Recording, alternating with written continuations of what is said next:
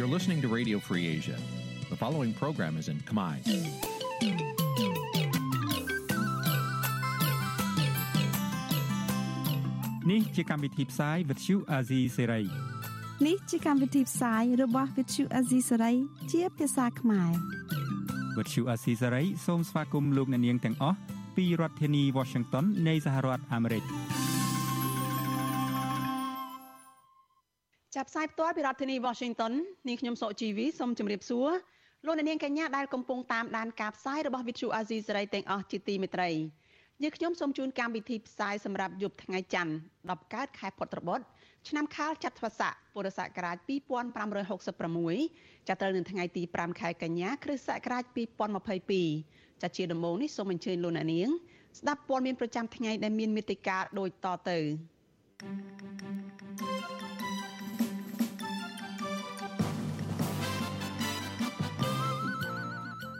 តុលាការខេត្តត្បូងឃ្មុំក៏ហៅជំទប់ទី2គណៈបកភ្លើងទៀនម្នាក់មកសាកសួរពីបទបរិហាកេស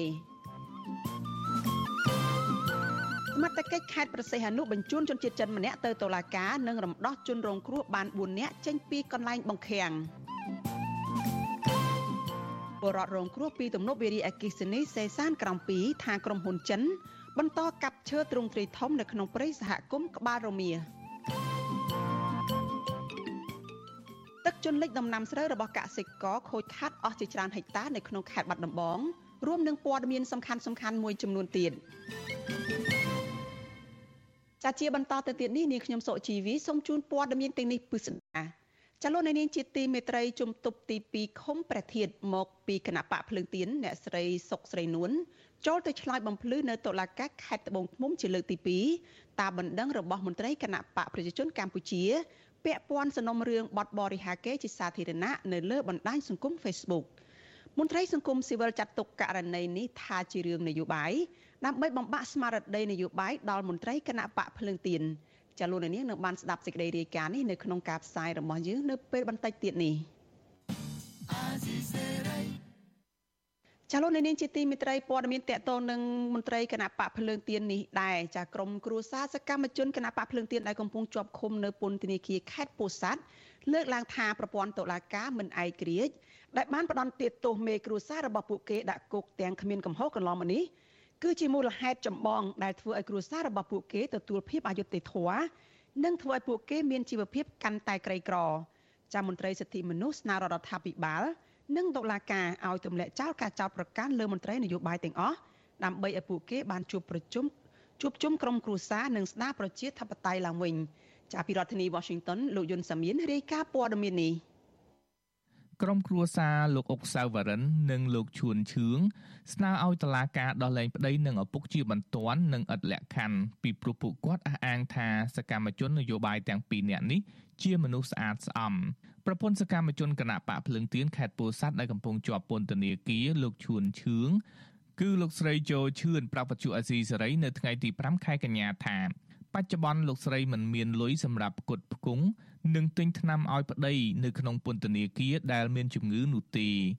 លោកស្រីថាមុនពេលតុលាការដាក់គុកប្តី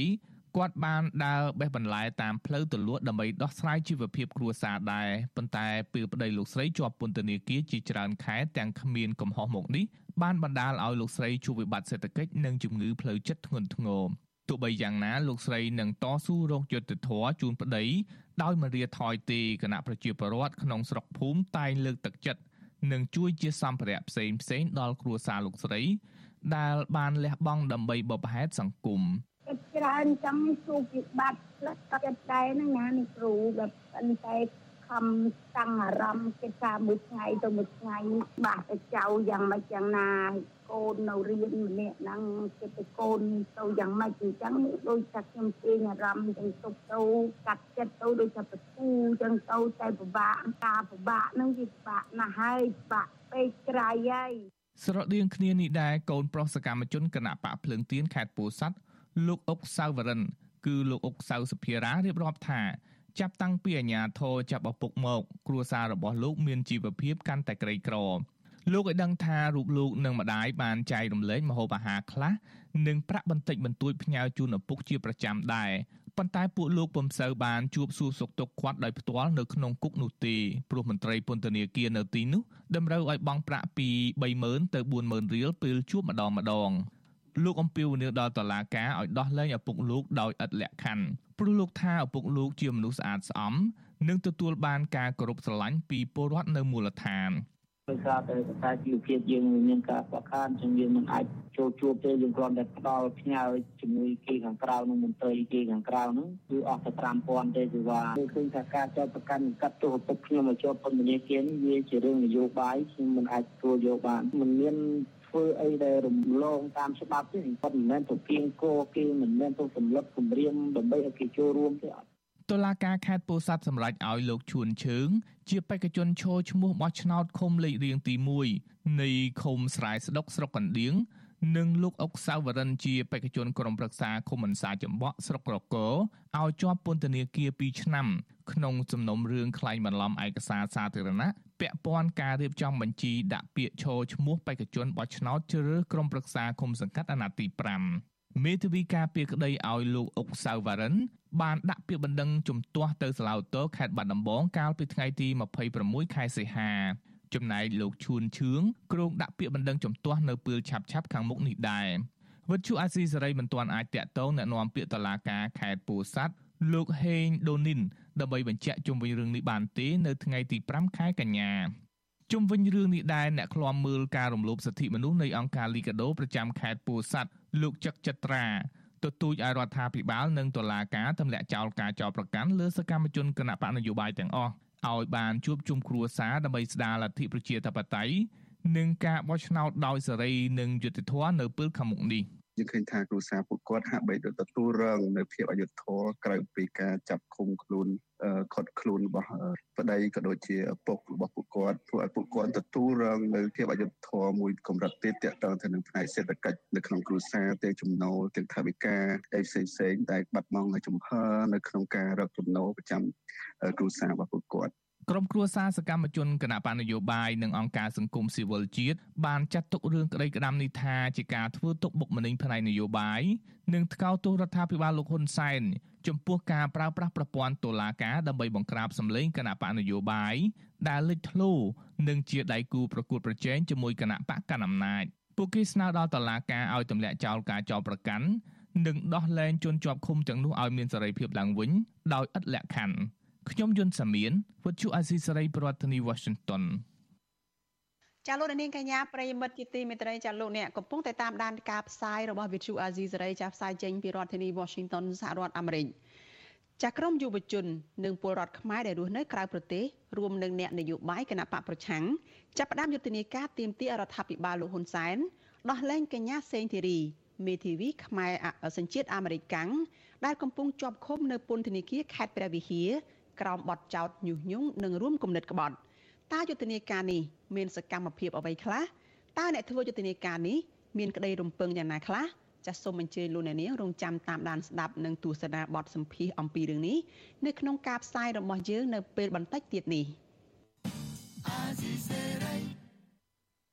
ចាលោកនាងកញ្ញាជាទីមេត្រីចាព័ត៌មានតកតងនឹងការការពារព្រៃនៅឯសហគមន៍ភូមិក្បាលរមៀសឯណោះ ចាស់ឈើមូលធំធំដែលជនជាតិដើមភាគតិចភ្នងជាច្រើនគ្រួសារខិតខំថែរក្សាជាច្រើនឆ្នាំមកហើយដែលស្ថិតនៅក្នុងព្រៃសហគមន៍ក្បាលរមៀកំពុងប្រឈមការកាប់ផ្ដួលទ្រង់ទ្រាយធំ ពីសំណាក់ក្រុមហ៊ុនចិនឈ្មោះថាស៊ីវហ្គិចប្រជាសហគមន៍ឃុំក្បាលរមៀដែលរងគ្រោះដោយសារតែទំនប់វារីអគិសនីសេសានក្រំ2បានចាត់ទុកការបណ្តែតបណ្តោយឲ្យមានបទល្មើសព្រៃឈើខ្នាតធំបែបនេះថាជាការប្រមាថមាក់ងាយអត្តសញ្ញាណជនជាតិដើមភាគតិច ដែលបានលះបង់ជីវិតការពារព្រៃអភិរក្សនេះចាពីរដ្ឋធានី Washington លោកសនច័ន្ទរដ្ឋារាយការណ៍អំពីរឿងនេះជនជាតិដើមភាគតិចភ្នង53គ្រួសារដែលបដិសេធមិនទទួលគោលនយោបាយសំណងពីក្រុមហ៊ុនទំនប់វារីគិសនីសេសានក្រំ2ឲ្យដឹងថាដើមឈើធំធំបន្សល់ចុងក្រោយ នៅក្នុងព្រៃសហគមន៍ឃុំក្បាលរមៀដែលប្រជាសហគមន៍បានស្នើសុំចុះបញ្ជីជាតំបន់អភិរក្សកំពុងប្រឈមការកាប់បំផ្លាញទ្រង់ទ្រាយធំដោយគ្មានការទប់ស្កាត់នៅឡើយទេ ប្រជាសហគមន៍តនីនៅភូមិក្បាលរមៀឃុំក្បាលរមៀស្រុកសេសាន បានហៅក្រតកម្មព្រៃឈើតនីថាជាកំហុសរបស់អាជ្ញាធរខេត្តស្ទឹងត្រែងខុបខិតជាមួយក្រុមហ៊ុនចិនមួយនេះដោយមិនខ្វល់ពីទោសលំបាករបស់ពលរដ្ឋតំណាងសហគមន៍ឃុំក្បាលរមៀសលោកស្រីស្រាំងឡាញ់ប្រាវិទ្យាស៊ីសេរីថ្ងៃទី5ខែកញ្ញាថាមតទៅពេលនេះក្រុមហ៊ុនចិនស៊ីវហ្គិចនៅតែបន្តបញ្ជូនកម្មករចរណៈប្រដាប់ដោយរណាយន្តនិងរយន្តឆ្នៃពីគ្រឿងកាប់ឈើធំធំក្នុងព្រៃសហគមន៍ រួចដឹកបញ្ជូនទៅដេប៉ូអាឈើជាប់ព្រៃអភិរក្សមួយនេះលោកស្រីថាបលល្មើសទៅនេះបានកើតឡើងជាបន្តបន្ទាប់ចាប់ពីខែកក្កដារហូតមកទល់ពេលនេះមិនទាន់ឃើញមានអាជ្ញាធរចូលទប់ស្កាត់នៅឡើយទេ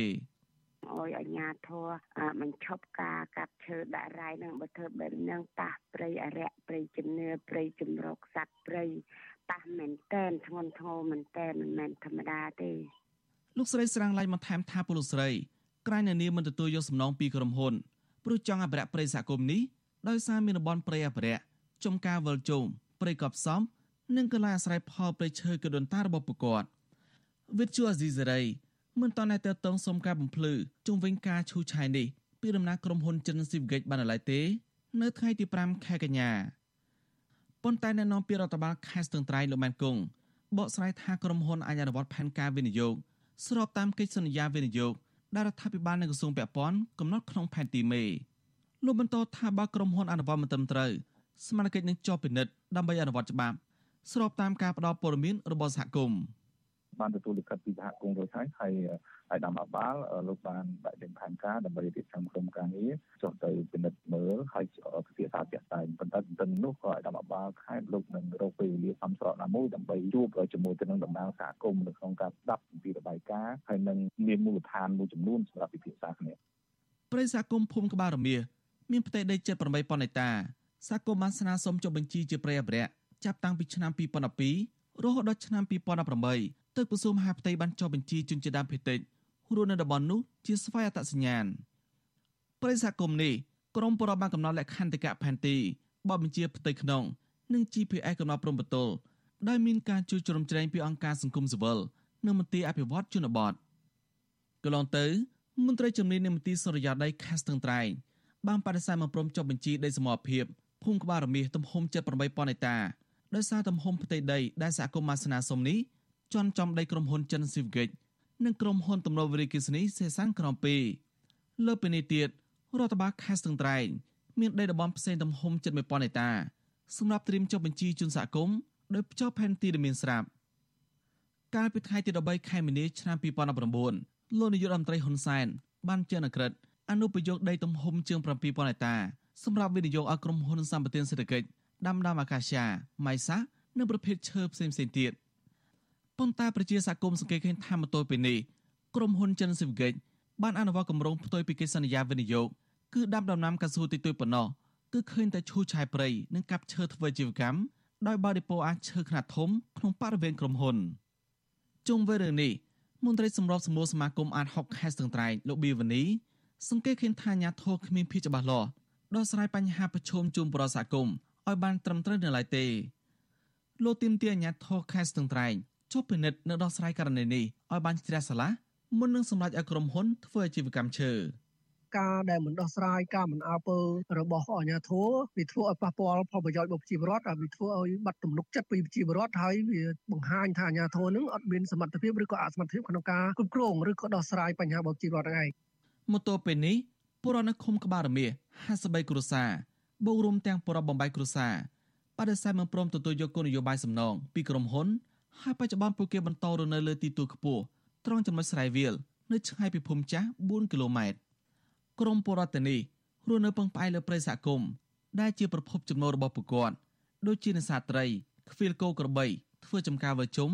រោគអនុផលព្រៃឈើបែបបន្លែនិងដងចរទឹកជាដើមជនជាដើមភេទទីតានីសុកចិត្តក្រែននាលមិនព្រមទទួលយកសំណងពីក្រុមហ៊ុនដោយសារតែស្ដាយសំណោះព្រៃគេដូនតាហើយចង់ការពារព្រៃសហគមន៍ឲ្យបានគង់វង្ស ដើម្បីកូនចៅចំនួនក្រោយខ្ញុំសនចាររថាវិទ្យុអេស៊ីសរ៉ៃរីកាពីរដ្ឋធានីវ៉ា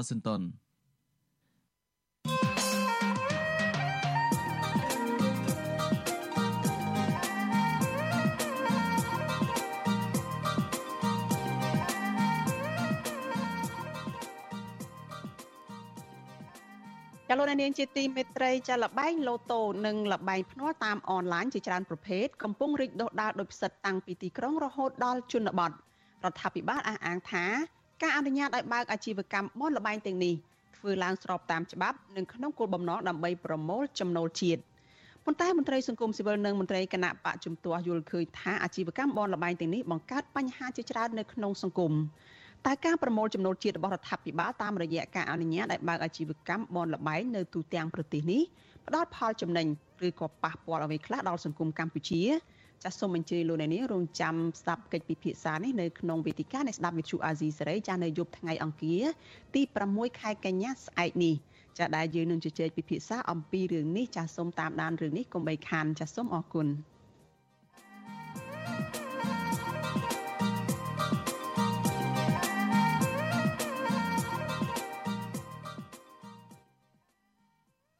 ចាលោកនាងកញ្ញាជាទីមេត្រីចាព័ត៌មានពីខេត្តព្រះវិហារឯណោះឲ្យដឹងថាសកម្មជនការពីប្រៃព្រះរកានិងប្រជាសហគមន៍ជនជាតិដើមភាគតិចគួយនៅក្នុងខេត្តព្រះវិហារនេះខកចិត្តចំពោះមន្ត្រីបរិស្ថានដែលមិនអើពើបង្ក្រាបបទល្មើសព្រៃឈើនៅក្នុងតំបន់ព្រៃព្រះរកា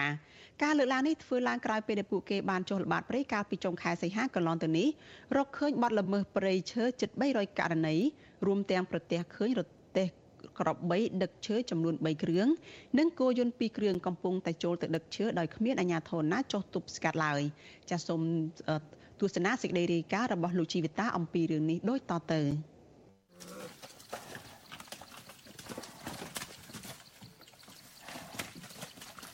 បទល្មើសព្រៃព្រះរកាកើតមានជាហោហែដែលធ្វើឲ្យប្រជាសហគមន៍ជនជាតិដើមភាគតិច និងសកម្មជនព្រៃឈើ មើលឃើញថាមន្ត្រីបរិស្ថាននៅក្នុងខេត្តព្រះវិហារនេះមិនអនុវត្តតាមកាតព្វកិច្ចក្នុងការអភិរក្សព្រៃធម្មជាតិនេះឲ្យបានត្រឹមត្រូវខណៈបទល្មើសត្រូវបានរកឃើញសឹងតែរៀងរាល់ថ្ងៃពួកគេចាត់ទុកការមិនអើពើបង្ក្រាបបទល្មើសព្រៃឈើទាំងនោះថាជាការផ្ទុយនឹងការបដិញ្ញាចិត្តរបស់លោកនាយករដ្ឋមន្ត្រីហ៊ុនសែនដែលលោកសន្យាថានឹងបង្កើនគម្របព្រៃឈើឲ្យបាន60%ត្រឹមឆ្នាំ2029 សកម្មជនប្រៃឈើនៃសមាគមបណ្ដាញយុវជនកម្ពុជា ហៅកាត់ថា CYN លោកសាន់ម៉ាឡា ដែលបានចុះល្បាតព្រៃព្រះរកាអស់រយៈពេល3យប់4ថ្ងៃប្រាប់វិទ្យុអាស៊ីសេរីថាលោកសោកស្ដាយពេលរកឃើញបទល្មើសកើតមានជាបន្តបន្ទាប់ដោយគ្មានការបង្ក្រាបឲ្យបានត្រឹមត្រូវពីសំណាក់អាជ្ញាធរពាក់ព័ន្ធលោកសង្កេតឃើញថា បញ្ហានេះកើតឡើងគឺដោយសារមន្ត្រីបរិស្ថានគ្មានឆន្ទៈការពារព្រៃឈើ សកម្មជនរូបនេះបារម្ភថាបើសិនជាអាជ្ញាធរមូលដ្ឋាន ជាពិសេសក្រសួងបរិស្ថាន នៅតែមិនអើពើបង្ក្រាបបទល្មើសទេនោះដែនជំរកសត្វព្រៃព្រះរកានឹងហិនហោចក្នុងពេលឆាប់ឆាប់បើសិនជាស្ថានភាពកាប់បំផ្លាញនៅតែបន្តជារៀងរាល់ថ្ងៃបែបនេះ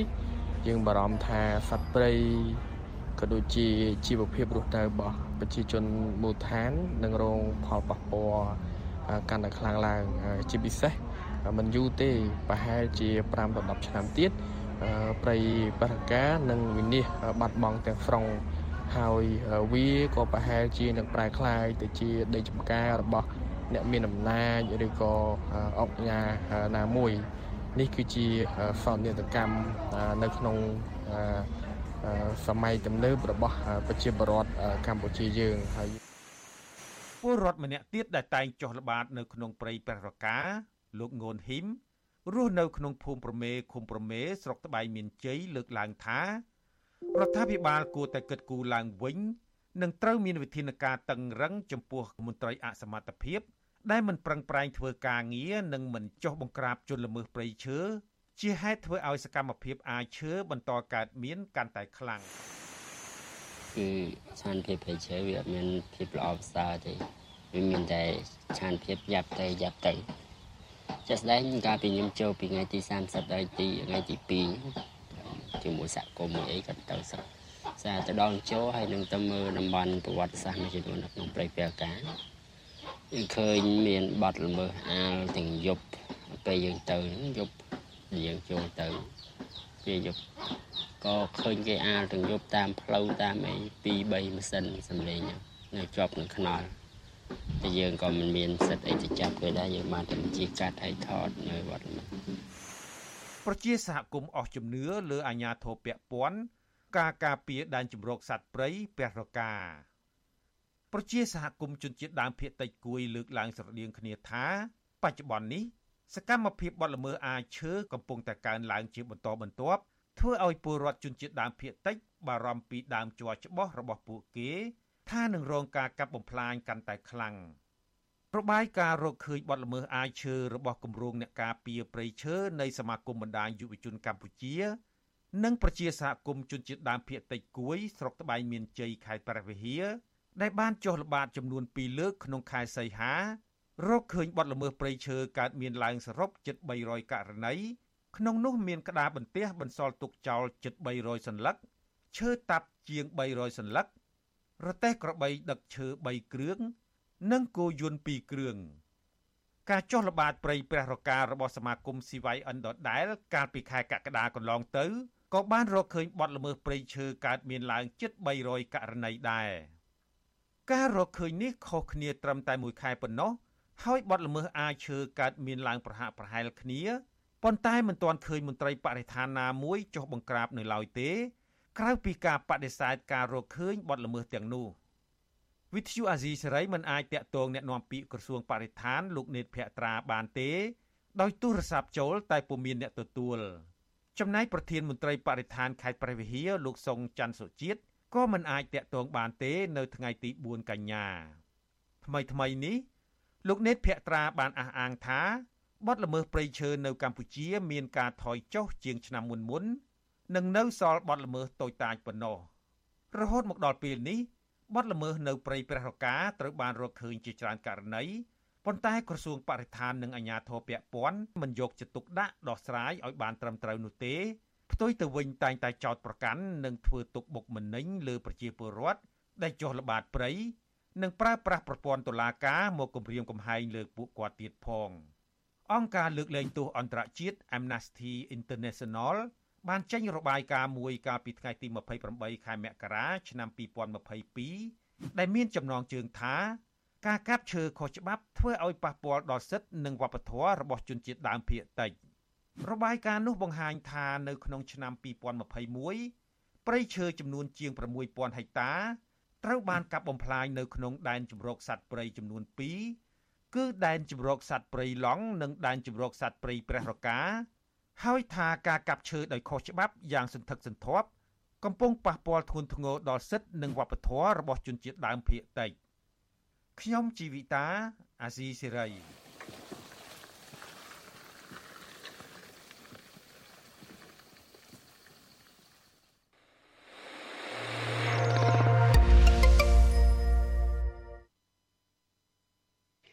លោកនាងកញ្ញាប្រិយមិត្តជាទីមេត្រីចាងាកមកព័ត៌មានតកតងនឹងប្រធានគណៈបកប្រឆាំងលោកកឹមសុខាដែលកំពុងជាប់រឿងក្តីក្តាប់នៅតុលាការឯនេះវិញ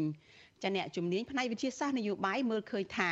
ការរក្សាភាពស្ងៀមស្ងាត់របស់លោកកឹមសុខានៅពេលនេះមិនមែនជាវិធីសាស្ត្រល្អនៅក្នុងការទាមទារយុត្តិធម៌នោះទេលើពីនេះ ភាពស្ងៀមស្ងាត់នេះស្មើនឹងការទទួលស្គាល់ថាការចាប់ខ្លួននិងការចោទប្រកាន់លើរូបលោកកឹមសុខានោះគឺជារឿងត្រឹមត្រូវចាការលើកឡើងនេះគឺស្របពេលនៃខួប5ឆ្នាំដែលអាជ្ញាធររដ្ឋាភិបាលលោកហ៊ុនសែនបានឆ្មក់ចូលចាប់ខ្លួនលោកកឹមសុខាទាំងលោកមានអភ័យឯកសិទ្ធិសភានៅរំលងអត្រាចូលថ្ងៃទីថ្ងៃទី2ចូលថ្ងៃទី3ខែកញ្ញាឆ្នាំ2017ដោយចោទប្រកាន់ពីបទក្បត់ជាតិឬបានខົບខិតជាមួយរដ្ឋបរទេសដើម្បីរំលំរដ្ឋាភិបាល ចាសសូមអញ្ជើញលោកអ្នកនាងរងចាំតាមដានបទសម្ភាសជាមួយនឹងអ្នកជំនាញផ្នែកវិទ្យាសាស្ត្រនយោបាយចាសតកតងនៅរឿងនេះនៅក្នុងការផ្សាយរបស់យើងនៅពេលបន្តិចទៀតនេះចលនានេះជាទីមេត្រីសមត្ថកិច្ចខេត្តប្រសិទ្ធហនុឯណោះវិញអះអាងថាបានបញ្ជូនជនសង្ស័យដែលជាជនជាតិចិនម្នាក់ទៅតុលាការពាក់ព័ន្ធទៅនឹងការប្រាអំពើហិង្សាដោយចេតនា ទន្ទឹមគ្នានេះសមត្ថកិច្ចបានជួយសង្គ្រោះជនជាតិម៉ាឡេស៊ី3នាក់និងជនជាតិចិនតៃវ៉ាន់ម្នាក់ចេញពីកន្លែងបង្ខាំងធ្វើទរណកម្មនៅក្នុងក្រុមហ៊ុនឯកជនមួយកន្លែងនៅក្នុងខេត្តប្រសេះអនុនេះមន្ត្រីសង្គមស៊ីវិលព្រួយបារម្ភពីកំណើនបទល្មើសជួញដូរមនុស្សឬបង្ខាំងមនុស្សដោយខុសច្បាប់នៅកម្ពុជាព្រោះវាបានធ្វើឲ្យប៉ះពាល់ទៅដល់កេរ្តិ៍ឈ្មោះប្រទេសនៅលើឆាកអន្តរជាតិចាលោកមានរិទ្ធមានសេចក្តីរាយការណ៍អំពីរឿងនេះ។ សមត្ថកិច្ចខេត្តព្រះសីហនុឲ្យដឹងថាជនជាតិម៉ាឡេស៊ីចំនួន3នាក់និងជនជាតិតៃវ៉ាន់ម្នាក់ដែលត្រូវគេបង្ខាំងធ្វើទរណកម្មសមត្ថកិច្ចបានបញ្ជូនទៅប្រទេសកំណើតរបស់ពួកគេវិញរួចរាល់ហើយគេហទំព័របញ្ជាការដ្ឋានកងរាជអាវុធហត្ថខេត្តព្រះសីហនុនៅថ្ងៃទី5ខែកញ្ញាឲ្យដឹងថាសមាជិកបានកសាងសំណុំរឿងលើជនសង្ស័យម្នាក់ជាជនជាតិចិនឈ្មោះវងស៊ីយ៉ាន់ទៅតុលាការជាប់ពាក់ព័ន្ធនឹងករណីប្រៅអំពើហិង្សាដោយចេតនា កាលពីថ្ងៃទី2ខែកញ្ញាកម្លាំងសមត្ថកិច្ចបានស្រាវជ្រាវទីតាំងអគារលេខ8និងអគារលេខ13ស្ថិតក្នុងភូមិ6សង្កាត់ទី4ក្រុងព្រះសីហនុនិងបានជួយសង្គ្រោះជនរងគ្រោះចំនួន4នាក់ជនរងគ្រោះទាំងនោះមាន3នាក់ជាជនជាតិម៉ាឡេស៊ីមានឈ្មោះលឹមហៃខ្វាន់ឈ្មោះហ្វុងជួនហៃឈ្មោះលឹមកៃខ្វាន់និងជនរងគ្រោះម្នាក់ទៀតគឺឈ្មោះសាយឈីពីងដែលជាជនជាតិចិនតៃវ៉ាន់ រហូតដល់ថ្ងៃទី3ខែកញ្ញាជនរងគ្រោះឈ្មោះសាយឈីពីងអះអាងថាជនសង្ស័យឈ្មោះវងស៊ីយ៉ាន់បានធ្វើទរណកម្មមកលើខ្លួននៅក្នុងអគារលេខ13វិសុវស៊ីស្រីមិនអាចតាក់ទងមេបញ្ជាការកងរាជអាវុធហត្ថខេត្តព្រះសីហនុលោកហេងប៊ុនទីនិងស្នងការនគរបាលខេត្តព្រះសីហនុលោកជួននរិនដើម្បីសាកសួរបន្ថែមពីបញ្ហានេះបាននៅឡើយទេនៅថ្ងៃទី5ខែកញ្ញា ក៏ប៉ុន្តែលោកជួននរិនធ្លាប់ប្រាប់វិសុវស៊ីស្រីថាសមត្ថកិច្ចនឹងស្រាវជ្រាវជាបន្តបន្ទាប់ទៅលើទីតាំងអគារដែលមានករណីបង្ខាំងមនុស្សខុសច្បាប់នៅក្នុងខេត្តប្រសែននោះទាក់ទងនឹងរឿងជនបរទេសចាញ់បោកមេខ្យល់ជនជាតិចិននេះដែរកាលពីថ្ងៃទី2ខែកញ្ញាសារព័ត៌មានវៀតណាមឈ្មោះ Vietnam News បានចុះផ្សាយថាមនុស្សជាង600នាក់ បានចាញ់បោកតាមរយៈការលបួងផ្សព្វផ្សាយពាណិជ្ជកម្មការងារមិនពិតដែលឲ្យចូលមកធ្វើការងារនៅកម្ពុជាដោយខុសច្បាប់សារព័ត៌មានដដែលនេះឲ្យដឹងថាអាញាធរកម្ពុជានិងទីភ្នាក់ងារតំណាងរបស់វៀតណាមបានសហការជាមួយក្រសួងការបរទេសកម្ពុជា និងបញ្ជូនពួកគេត្រឡប់ទៅប្រទេសវៀតណាមវិញ ក្រសួងមហាផ្ទៃរកឃើញថារយៈពេល8ខែក្នុងឆ្នាំ2022នេះសមាជិកបានចុះត្រួតពិនិត្យលើបណ្ដឹងចំនួនជាង100ករណីនិងសង្គ្រោះមនុស្សជិត1000នាក់និងឃាត់ខ្លួនជនសង្ស័យបានជិត100នាក់ក្នុងនោះមាន19ករណីគឺជាអំពើបង្ខាំងនិងចម្រិតទារប្រាក់ជនរងគ្រោះដែលសមាជិកបានជួយសង្គ្រោះរួមមាន ជនជាតិឥណ្ឌូនេស៊ីវៀតណាមថៃម៉ាឡេស៊ីចិនប៉ាគីស្ថាន ឥណ្ឌាមីយ៉ាន់ម៉ាជនជាតិហ្វីលីពីនទូគីអាមេរិកអង់គ្លេសនិងជនជាតិកូរ៉េខាងត្បូងជាដើមវិសុវស៊ីស្រីមិនអាចតាក់ទងแนะនាំពាក្យក្រសួងមហាផ្ទៃលោកខៀវសុភ័ក្រដើម្បីសុំព័ត៌មានបន្ថែមជុំវិញតួលេខចុងក្រោយនៃយុទ្ធនាការបង្ក្រាបរបស់អាជ្ញាធររដ្ឋាភិបាលកម្ពុជាពាក់ព័ន្ធនឹងការជួញដូរមនុស្សការបង្ខាំងមនុស្សខុសច្បាប់និងអំពើឆបោកអនឡាញនៅកម្ពុជា ក៏ប៉ុន្តែលោកខៀវសុភ័ក្របានប្រាប់សារព័ត៌មានក្នុងស្រុក VOD ឲ្យដឹងថាគិតត្រឹមថ្ងៃទី2ខែកញ្ញាសមាជិកបានចោទប្រកាន់ជាបណ្ដោះអាសន្នលើជនជាតិចិននិងខ្មែរចំនួន6នាក់ពីបទជួញដូរមនុស្សហើយបានសង្គ្រោះជនរងគ្រោះជាង100នាក់ក្នុងរយៈពេល12ថ្ងៃនៃយុទ្ធនាការបង្ក្រាបរបស់អាជ្ញាធររដ្ឋាភិបាលលោកខៀវសុភ័ក្រថាអាជ្ញាធរបានចាត់វិធានការលើបណ្ដឹងសរុបចំនួន40 ចាប់ពីថ្ងៃទី18ដល់ថ្ងៃទី29ខែសីហាហើយសង្គ្រោះបានជនរងគ្រោះជាង100នាក់នៅក្នុងនោះមានជនជាតិអាមេរិកម្នាក់ខ្មែរអាមេរិកកាំងម្នាក់ឥណ្ឌូនេស៊ី2នាក់ជនជាតិចិនចំនួន38នាក់ជនជាតិម៉ាឡេស៊ី53នាក់វៀតណាម5នាក់និងជនជាតិតៃវ៉ាន់ចំនួន3នាក់ជុំវិញរឿងនេះអ្នកសម្របសម្រួលសមាគមការពារសិទ្ធិមនុស្សអាត6 ប្រចាំខេត្តព្រះសីហនុអ្នកស្រីជីបសុធារីសោកស្ដាយដែលកម្ពុជាកំពុងក្លាយជាទីតាំងសម្រាប់ក្រុមអ ுக ្រិតជន ប្រតិបត្តិការចាប់បង្ខាំងមនុស្សខុសច្បាប់ ឬជួញដូរមនុស្ស អ្នកស្រីមើលឃើញថាការដែលខេត្តព្រះសីហនុសម្បូរទៅដោយបទល្មើសបែបឧក្រិដ្ឋជាពិសេសមានករណីជួញដូរមនុស្សជាបន្តបន្ទាប់បែបនេះគឺដោយសារតែលំហូរជនបរទេសជាពិសេសគឺជនជាតិចិន ដែលបានពង្រីកវិសាលភាពនៅក្នុងការបើកអាជីវកម្មបនលបែងកាស៊ីណូខុសច្បាប់ហើយអាជ្ញាធរគ្មានវិធានការទប់ស្កាត់នៅឡើយ។ ខ្ញុំថារាជរដ្ឋាភិបាលលោកមានវិធីច្រើនណាស់ក្នុងការជាងកអ្នកវិនិយោគមករកស៊ីនៅកម្ពុជាបើសិនជាអាចយើងចង់ឲ្យមានការបើកសបែងកាស៊ីណូទេព្រោះអារឿងលបែងស៊ីសងនេះសុភាសិតខ្មែរយើងក៏បានលើកផ្ដាំផ្ញើដល់កូនចៅចំនួនក្រោយថាលបែងតែនិយាយហើយវាជាការព្រួយបារម្ភណាជាពិសេសថាសូមឲ្យយកចិត្តទុកដាក់ក្នុងការធ្វើការពិនិត្យសិក្សាស្រាវជ្រាវអំពីការស្នាក់នៅរបស់ជនបរទេសបញ្ហាដែលមានកើតឡើងដូចជាការបង្ខាំងមនុស្សការប្រព្រឹត្តមុខរបរខុសច្បាប់ដូចជាមានការជួញដូរគ្រឿងញៀនអីចឹងយុទ្ធនាការបង្ក្រាបអំពើជួញដូរមនុស្សនិងឃុំឃាំងមនុស្សជាបន្តបន្ទាប់បែបនេះកើតមានឡើងក្រោយពីក្រសួងការបរទេសអាមេរិកបានចេញរបាយការណ៍កាលពីខែកក្កដាស្ដីពីការជួញដូរមនុស្សឆ្នាំ2022ដោយបានទម្លាក់ចំណាត់ថ្នាក់កម្ពុជាចុះមកលំដាប់ទី3ដែលមានន័យថាអាក្រក់បំផុត និងពុំធ្លាប់មានទេចាប់តាំងពីឆ្នាំ2015មក ក្រៅពីនេះក៏មានស្ថាប័នសារព័ត៌មានអន្តរជាតិជាច្រើន បានរាយការណ៍យ៉ាងផុសផុលជាបន្តបន្ទាប់នារយៈពេលចុងក្រោយនេះអំពីកំណើនឧក្រិដ្ឋកម្មនៃការចាប់បង្ខាំងមនុស្សខុសច្បាប់និងការជួញដូរមនុស្សនៅកម្ពុជារដ្ឋមន្ត្រីក្រសួងមហាផ្ទៃលោកសខេងបានទទួលស្គាល់អំពីស្ថានភាពជួញដូរមនុស្សធ្ងន់ធ្ងរនៅកម្ពុជា និងអំពាវនាវដល់ស្ថាប័នតំណាងបរទេសនិងភាគីពាក់ព័ន្ធនានាឲ្យសហការផ្តល់ព័ត៌មាននិងចូលរួមបង្ការ ទប់ស្កាត់និងបង្ក្រាបអំពើជួញដូរមនុស្សនៅក្នុងប្រទេសកម្ពុជាខ្ញុំបានមេរិត Visual C ស្រីរាយការណ៍ពីរដ្ឋធានី Washington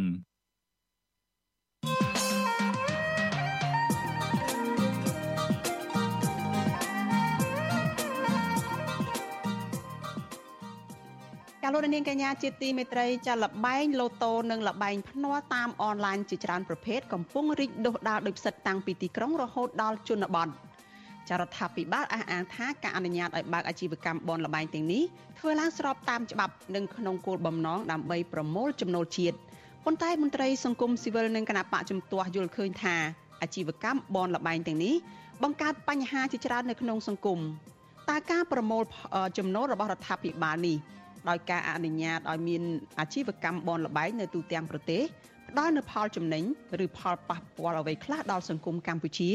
ចាសសូមអញ្ជើញលោកនាងរងចាំស្ដាប់កិច្ចពិភាក្សាជុំវិញបញ្ហានេះនៅក្នុងវេទិកាអ្នកស្ដាប់វិទ្យុអាស៊ីសេរីចាស់នៅយប់ថ្ងៃអង្គារទី6ខែកញ្ញាស្អែកនេះកុំបីខានចាស់ប្រសិនមកលោកអ្នកនាងចង់សួរវាគ្មិនរបស់យើងឬក៏ចង់បញ្ចេញមតិយោបល់យ៉ាងណាចាស់សូមអញ្ជើញលោកអ្នកនាងដាក់លេខទូរស័ព្ទរបស់លោកអ្នកនាងនៅក្នុងខ្ទង់ comment របស់ Facebook និង YouTube របស់វិទ្យុអាស៊ីសេរី ចាស់ក្រុមការងាររបស់យើងនឹងស្រង់លេខទូរស័ព្ទរបស់លោកអ្នកនាងហើយទូរស័ព្ទទៅលោកអ្នកនាងវិញដើម្បីផ្ដល់ឱកាសឲ្យលោកអ្នកនាងបានចូលរួមកិច្ចពិភាក្សានៅពេលនោះចាសសូមអរគុណ។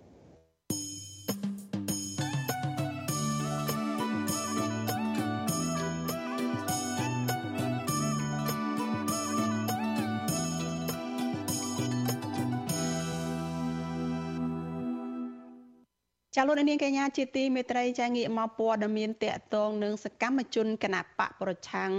ឯនេះវិញចាជំទប់ទី2នៅឃុំប្រធានមកពីគណៈបកភ្លើងទៀនគឺអ្នកស្រីសុកស្រីនួនចូលទៅឆ្លើយបំភ្លឺនៅតុលាការខេត្តត្បូងឃ្មុំជាលើកទី2តាមបណ្ដឹងរបស់មន្ត្រីគណៈបកប្រជាជនកម្ពុជាពាក់ព័ន្ធសំណុំរឿងបទបរិហាគេជាសាធារណៈនៅលើបណ្ដាញសង្គម Facebook ចាស់មន្ត្រីសង្គមស៊ីវិលចាត់ទុកករណីនេះថាជារឿងនយោបាយដើម្បីបំបាក់ស្មារតីនយោបាយទៅលើមន្ត្រីគណៈបកភ្លើងទៀនចាលូទីនសការីយ៉ារាយការណ៍អំពីរឿងនេះជំទប់ទី2មកពីគណៈបកភ្លើងទៀនឃុំប្រធានខេត្តត្បូងឃ្មុំនៅស្រីសុកស្រីនួននៅថ្ងៃទី5កញ្ញាបានចូលបំភ្លឺតាមដីកាកោះរបស់សាលាដំបងខេត្តត្បូងឃ្មុំពីបទបរិហាកេរជាសាធារណៈនៅលើបណ្ដាញសង្គម Facebook កាលពីថ្ងៃទី26ឧសភា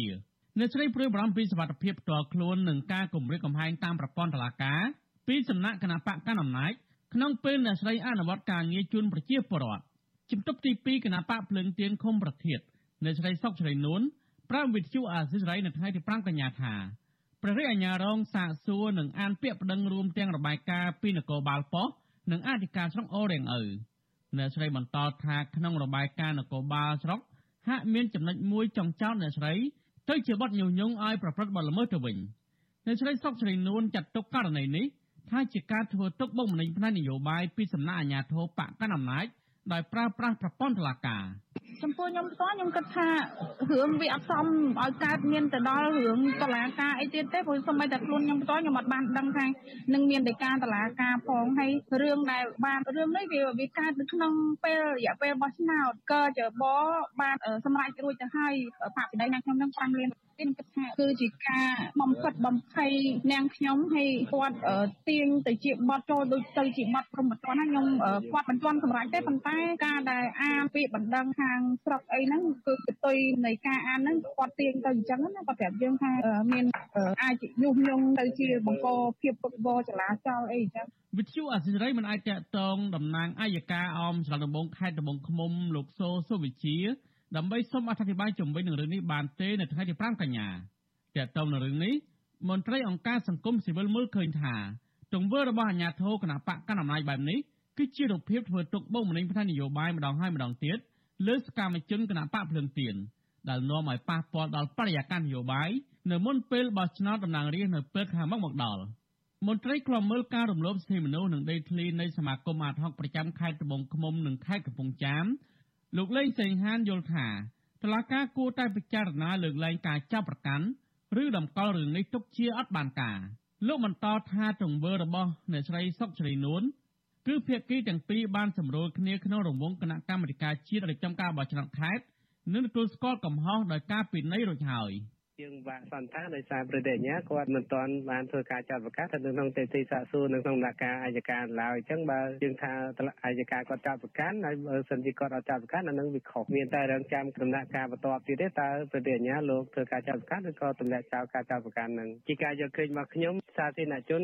ទូទៅក៏គេមើលឃើញប្រហែលជាមិនខុសពីខ្ញុំម៉ានទេអំពីការអនុវត្តគោលការណ៍ច្បាប់គាត់ឃើញអ្នកប្រព្រឹត្តបទល្មើសមួយចំនួនតែបានប្រព្រឹត្តបទល្មើសហើយហើយសំទោសបែរជារួចខ្លួនអត់មានយកទោសយកបិអីទេ តែចំពោះរឿងនេះគាត់សំទោសហើយគាត់ដោះស្រាយដំណោះហ្នឹងនៅក្នុងដំណាក់កាលកជបរួចរាល់ហើយដែរប៉ុន្តែគាត់នៅជាប់បណ្ដឹងនៅឡាការដដែលយើងមើលឃើញថាការអនុវត្តច្បាប់វាហាក់ដូចជាខុសគ្នាឬក៏ដែលសាធារណជនគេហៅថាស្តង់ដារ2ហ្នឹងប្រហែលជាអញ្ចឹងហើយមើលទៅមុនពេលបោះឆ្នោតក្រុមប្រឹក្សាឃុំសង្កាត់អាណត្តិទី5មេធាវីគណៈបកប្រជាជនកម្ពុជាប្តឹងអ្នកស្រីសុកជ្រៃនួនទៅកោជប ហើយតម្រូវឲ្យអ្នកស្រីបង់ប្រាក់ពិន័យទៅកោជបចំនួន5លានរៀលចំណែកការទៀមទារបស់ភាគីដល់បណ្ដឹងគណៈបកកណ្ដាលអំណាចឲ្យអ្នកស្រីលុបការបង្ហោះក្នុង Facebook ដែលនិយាយរិះគន់ពីគណៈបកប្រជាជនកម្ពុជានិងតម្រូវឲ្យអ្នកស្រីសំទោសជាសាធារណៈអ្នកស្រីក៏បានធ្វើរួចរាល់ហើយដែរនៅគណៈកម្មការរៀបចំការបោះឆ្នោតខេត្តត្បូងឃ្មុំប៉ុន្តែតុលាការបានកោះកកាយរឿងចាស់នេះឡើងវិញសង្គមស៊ីវិលយល់ថាតុលាការគួរតែពិចារណាលើកលែងការចាប់ប្រកាន់ ឬតម្កល់រឿងនេះទុកជាអត់បានការព្រោះករណីនេះភាគីទាំងពីរបានសម្របសម្រួលគ្នាក្នុងរង្វង់គណៈកម្មាធិការជាតិរៀបចំការបោះឆ្នោតខេត្តនិងទទួលស្គាល់កំហុសដោយការផាកពិន័យតាមច្បាប់រួចរាល់ហើយដែរខ្ញុំទីនសាការីយ៉ាអស៊ីសេរីប្រធានីវ៉ាស៊ីនតោន ចាលោកនាងកញ្ញាប្រិយមិត្តជាទីមេត្រីចាតកតងនឹងមេដឹកនាំគណៈបកសង្គ្រោះជាតិចាគឺលោកកឹមលោកកឹមសុខាចាអ្នកជំនាញផ្នែកវិទ្យាសាស្ត្រនយោបាយមើលឃើញថាការរក្សាភាពស្ងៀមស្ងាត់របស់លោកកឹមសុខានាពេលនេះមិនមែនជាវិធីសាស្ត្រល្អនៅក្នុងការទាមទារយុត្តិធម៌នោះទេលើពីនេះ ភាពស្ងៀមស្ងាត់នេះស្មើនឹងការទទួលស្គាល់ការចាប់ខ្លួននិងការចោទប្រកាន់លោកកឹមសុខានៅថាជារឿងត្រឹមត្រូវចាការលើកឡើងនេះគឺនៅស្របពេលដែលការចូលមកដល់នៃខួប5ឆ្នាំដែលអាជ្ញាធររដ្ឋាភិបាលលោកហ៊ុនសែនបានឆ្មក់ចូលចាប់ខ្លួនលោកកឹមសុខាទាំងលោកមានអភ័យឯកសិទ្ធិសភាកាលពីរំលងអត្រាថ្ងៃទី2ចូលថ្ងៃទី3ខែកញ្ញាឆ្នាំ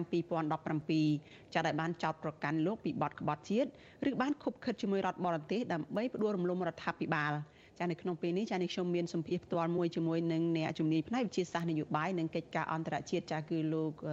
អែមសវណ្ណរាចាដែលលោកនឹងចូលមកជជែកអំពីរឿងនេះចាសូមជម្រាបសួរលោកអែមសវណ្ណរាពីចម្ងាយចាបាទជំរាបសួរអ្នកស្រីសុជីវីហើយជំរាបសួរប្រិយមិត្តអាស៊ីសេរីបាទចា លោកអែមសវណ្ណរាមកដល់ពេលនេះនឹងបើយើងគិតត្រឹមថ្ងៃទី3ខែកញ្ញាកន្លងទៅនេះចាគឺពីថ្ងៃមុននេះ5ឆ្នាំហើយដែលលោកកឹមសុខានឹងបាត់បង់សេរីភាពហើយរងការចោទប្រកាន់ ពីបនក្បត់ជាតិឬក៏ត្រូវរើគ្នាជាមួយនឹងរដ្ឋបរទេសសន្តិទិភាពអីហ្នឹងហើយលោកក៏នៅមានរឿងក្តីក្តាំនៅតុលាការបន្តរហូតហើយមិនអាចចេញទៅក្រៅប្រទេសមិនអាចលូកលាន់រឿងនយោបាយបានហើយសិទ្ធិសេរីភាពផ្នែកនយោបាយរបស់លោកហ្នឹងត្រូវរឹតបន្តឹងហើយក្នុងហ្នឹងក៏យើងដឹងដែរថាមានការរំលាយគណៈបកសង្គ្រោះជាតិនៅក្រៅពេលដែលចាប់ខ្លួនលោកកឹមសុខានឹងហើយមន្ត្រីរបស់គណៈបកសង្គ្រោះជាតិជាង100នាក់គឺ118នាក់ហើយមួយរូបបាន ទទួលមរណភាពទៅហើយហ្នឹងគឺនៅ117នាក់ហ្នឹងគឺជាអ្នកដែលជាប់បំបំរាមនយោបាយរយៈពេល5ឆ្នាំប៉ុន្តែក្នុងនោះក៏មានមួយចំនួននឹងបានសុំសិទ្ធិធ្វើនយោបាយឡើងវិញហើយដែរចាចំពោះលោកអែមសវណ្ណរាវិញតើរយៈពេល5ឆ្នាំមកនេះតើគេអាចរៀនសូត្របានអីខ្លះទៅពីការតស៊ូឬក៏បទពិសោធន៍ពីគណៈបកសង្គ្រោះជាតិនៅក្នុងឆាកនយោបាយហើយជាពិសេសគឺមេដឹកនាំគណៈបកសង្គ្រោះជាតិគឺលោកកឹមសុខានឹងចា៎ បើយើងពិនិត្យពលរដ្ឋកម្ពុជានិងអ្នកគ្រប់គ្រងរបស់ដោយសារតែចរន្តឬក៏ហៅថាអ្នកនយោបាយគណៈបកសង្គ្រោះជាតិនេះជាប់បំរាម5ឆ្នាំអញ្ចឹងអត់មានកម្មភាពច្រើនទេនៅក្នុងការបញ្ចេញមតិទស្សនៈឬក៏សកម្មភាពនយោបាយធ្វើឲ្យគេហៅថាមតិជារួមឬក៏ហៅថាសេរីភាពនៃការបញ្ចេញ មតិនៅក្នុងក្របខ័ណ្ឌនយោបាយនិងនៅកម្ពុជានឹងហាក់ដូចជា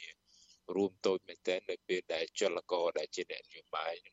ត្រូវបានជាប់បំរាមហើយបទពិសោធន៍ដែលយើងមើលឃើញអ្វីដែលជាបញ្ហាប្រឈមការចោទប្រកាន់ការរំលាយគណៈបកសង្គ្រោះជាតិនឹងដំណើរការទៅមុខហើយហើយរដ្ឋាភិបាលក៏ជោគជ័យដែរដោយសារមានការរាប់អានឬការតាក់ទងជាមួយសហគមន៍អន្តរជាតិ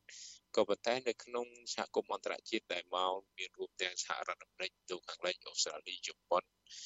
អង់គ្លេសអីជាដើមកាលណាមានដំណើរទស្សនកិច្ចមកកម្ពុជា តែងតែមានជំនួបជាមួយនឹងអតីតមេនឹងរំក្រាបប្រឆាំងគណិចបានន័យថាគេនៅទទួលស្គាល់នៅគេហៅថាអ្នកនយោបាយបពប្រឆាំងហើយគេនៅចាំមើលអំពីដំណើរការយន្តការច្បាប់តឡាការរបស់កម្ពុជានឹងដូច្នេះបើសិនបើយន្តការនេះ ការអបបលាយពេលនៃការកាត់ក្តីលោកកឹមសុខានៅតែជាអបបលាយពេលហ្នឹងវាធ្វើឲ្យបាត់បង់នៅសិទ្ធិអ្នកប្រឆាំងធ្វើឲ្យបាត់បង់សិទ្ធិគេហៅថាអ្នកនយោបាយនៅក្រៅរដ្ឋាភិបាលខ្លាំងក្លាធ្វើឲ្យមតិសហគមន៍អន្តរជាតិកាន់តែតាមដាននិងយកចិត្តទុកដាក់ខ្លាំងមកលើបញ្ហាកម្ពុជាចាលោក អែមសវណ្ណរាតកតងទៅនឹងប្រធានគណៈបកប្រឆាំងនេះលោកអែមសវណ្ណរាធ្លាប់បានលើកឡើងថាលោកកឹមសុខា បន្តរក្សាភាពស្ងៀមស្ងាត់មិនលូកលាន់រឿងនយោបាយហើយសំងំនៅក្រោមការត្រួតពិនិត្យតាមផ្លូវតុលាការឬក៏អនុវត្តទៅតាមអ្វីដែលតុលាការបានដាក់កំហិតនឹងគឺជាការដែលបញ្ជាក់ថាលោកនឹង អាចថាទទួលស្គាល់ថាការចាប់ខ្លួនលោកការចោទប្រកាន់រូបលោកនឹងថាជាការត្រឹមត្រូវទៅវិញតើកន្លែងហ្នឹងលោកអែមសមរាចង់ឲ្យលោកកឹមសុខានឹងធ្វើយ៉ាងម៉េចនៅពេលដែលលោកជាប់បំរាមហើយយើងដឹងទាំងអស់គ្នាថាមន្ត្រីគណៈបកសង្គ្រោះជាតិទាំងឡាយណាដែលហ៊ានសំបីតានិយាយឬក៏ទៅសេសារអីបន្តិចបន្តួចនៅលើបណ្ដាញសង្គម Facebook ឬក៏ជួបប្រជុំគ្នាទទួលទាននំបញ្ចុកឬក៏ធ្វើសកម្មភាពអីក៏ដោយគឺតែងតែមិនអាចគេចផុតពីសំណាញ់ច្បាប់ នៃអាជ្ញាធរទីក្រុងភ្នំពេញរបស់លោកហ៊ុនសែននឹងទេគឺតែងតែត្រូវចាប់ឃុំខ្លួនតាក់ចោចោតប្រកាន់ពីបទផ្សេងផ្សេងបទញុះញង់ចឹងទៅបទរួមគំនិតក្បត់ឬក៏ក្បត់ជាតិអីចឹងទាំងតើអាចឲ្យគាត់ធ្វើអ្វីបានក្រៅតែពីរឿងសំងំស្ងៀមហើយរងចាំមើលស្ថានភាពតទៅមុខទៀតនឹងចា៎បាននិយាយជារួមខ្ញុំបានលើកបញ្ហានឹងមួយដែរ ជាទូទៅគណៈបកប្រឆាំងលោកកឹមសុខាជាថ្នាក់ដឹកនាំអតីតគណៈបកប្រឆាំងកាលណានៅស្ងៀមទៅលើយន្តការមួយ នៅក្នុងក្របខ័ណ្ឌរងភាពទ្រឹស្ដីវាមានពីរទម្រង់ទី1បានន័យថាយល់ព្រមទាំងស្រុងចំណែកមួយទៀតបានន័យថា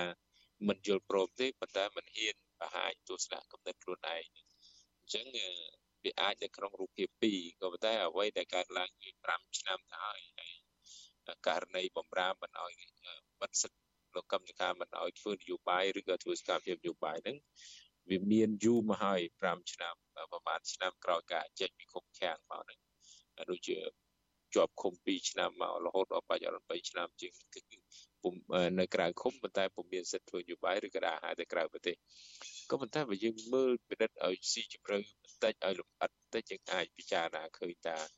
សកម្មភាពលោកកម្មវិការជាច្រើនជាសកម្មភាពនយោបាយហើយយើងមើលក្នុងករណីដែលតឡាការមិនមានវិធានការឬក៏មិនមានប្រតិកម្មទៅលើសកម្មភាពនយោបាយលោកកម្មវិការខ្ញុំលោកជាហោជំនួបជាមួយនឹងអ្នកនយោបាយទាំងអស់ទូតរបស់លោកខាងលិចហើយនឹងរដ្ឋមន្ត្រីការបរទេសលោកខាងលិចមានសហរដ្ឋអាមេរិកជាដើមសិតតែសកម្មភាពនយោបាយហ่ะអានេះហេតុអីបានយើងឃើញថាវាអត់មានគេហៅថាការចាត់វិធានការឬក៏ផ្នែកផ្ដាល់ឬក៏ តឡាការចាត់វិធានការយន្តការបែបណាមួយអញ្ចឹងទេអ្នកនយោបាយពលរដ្ឋទូទៅបានថាមានសិទ្ធិនៅក្នុងការទៀមទារោគយុទ្ធធរសម្រាប់ខ្លួនឯងសម្រាប់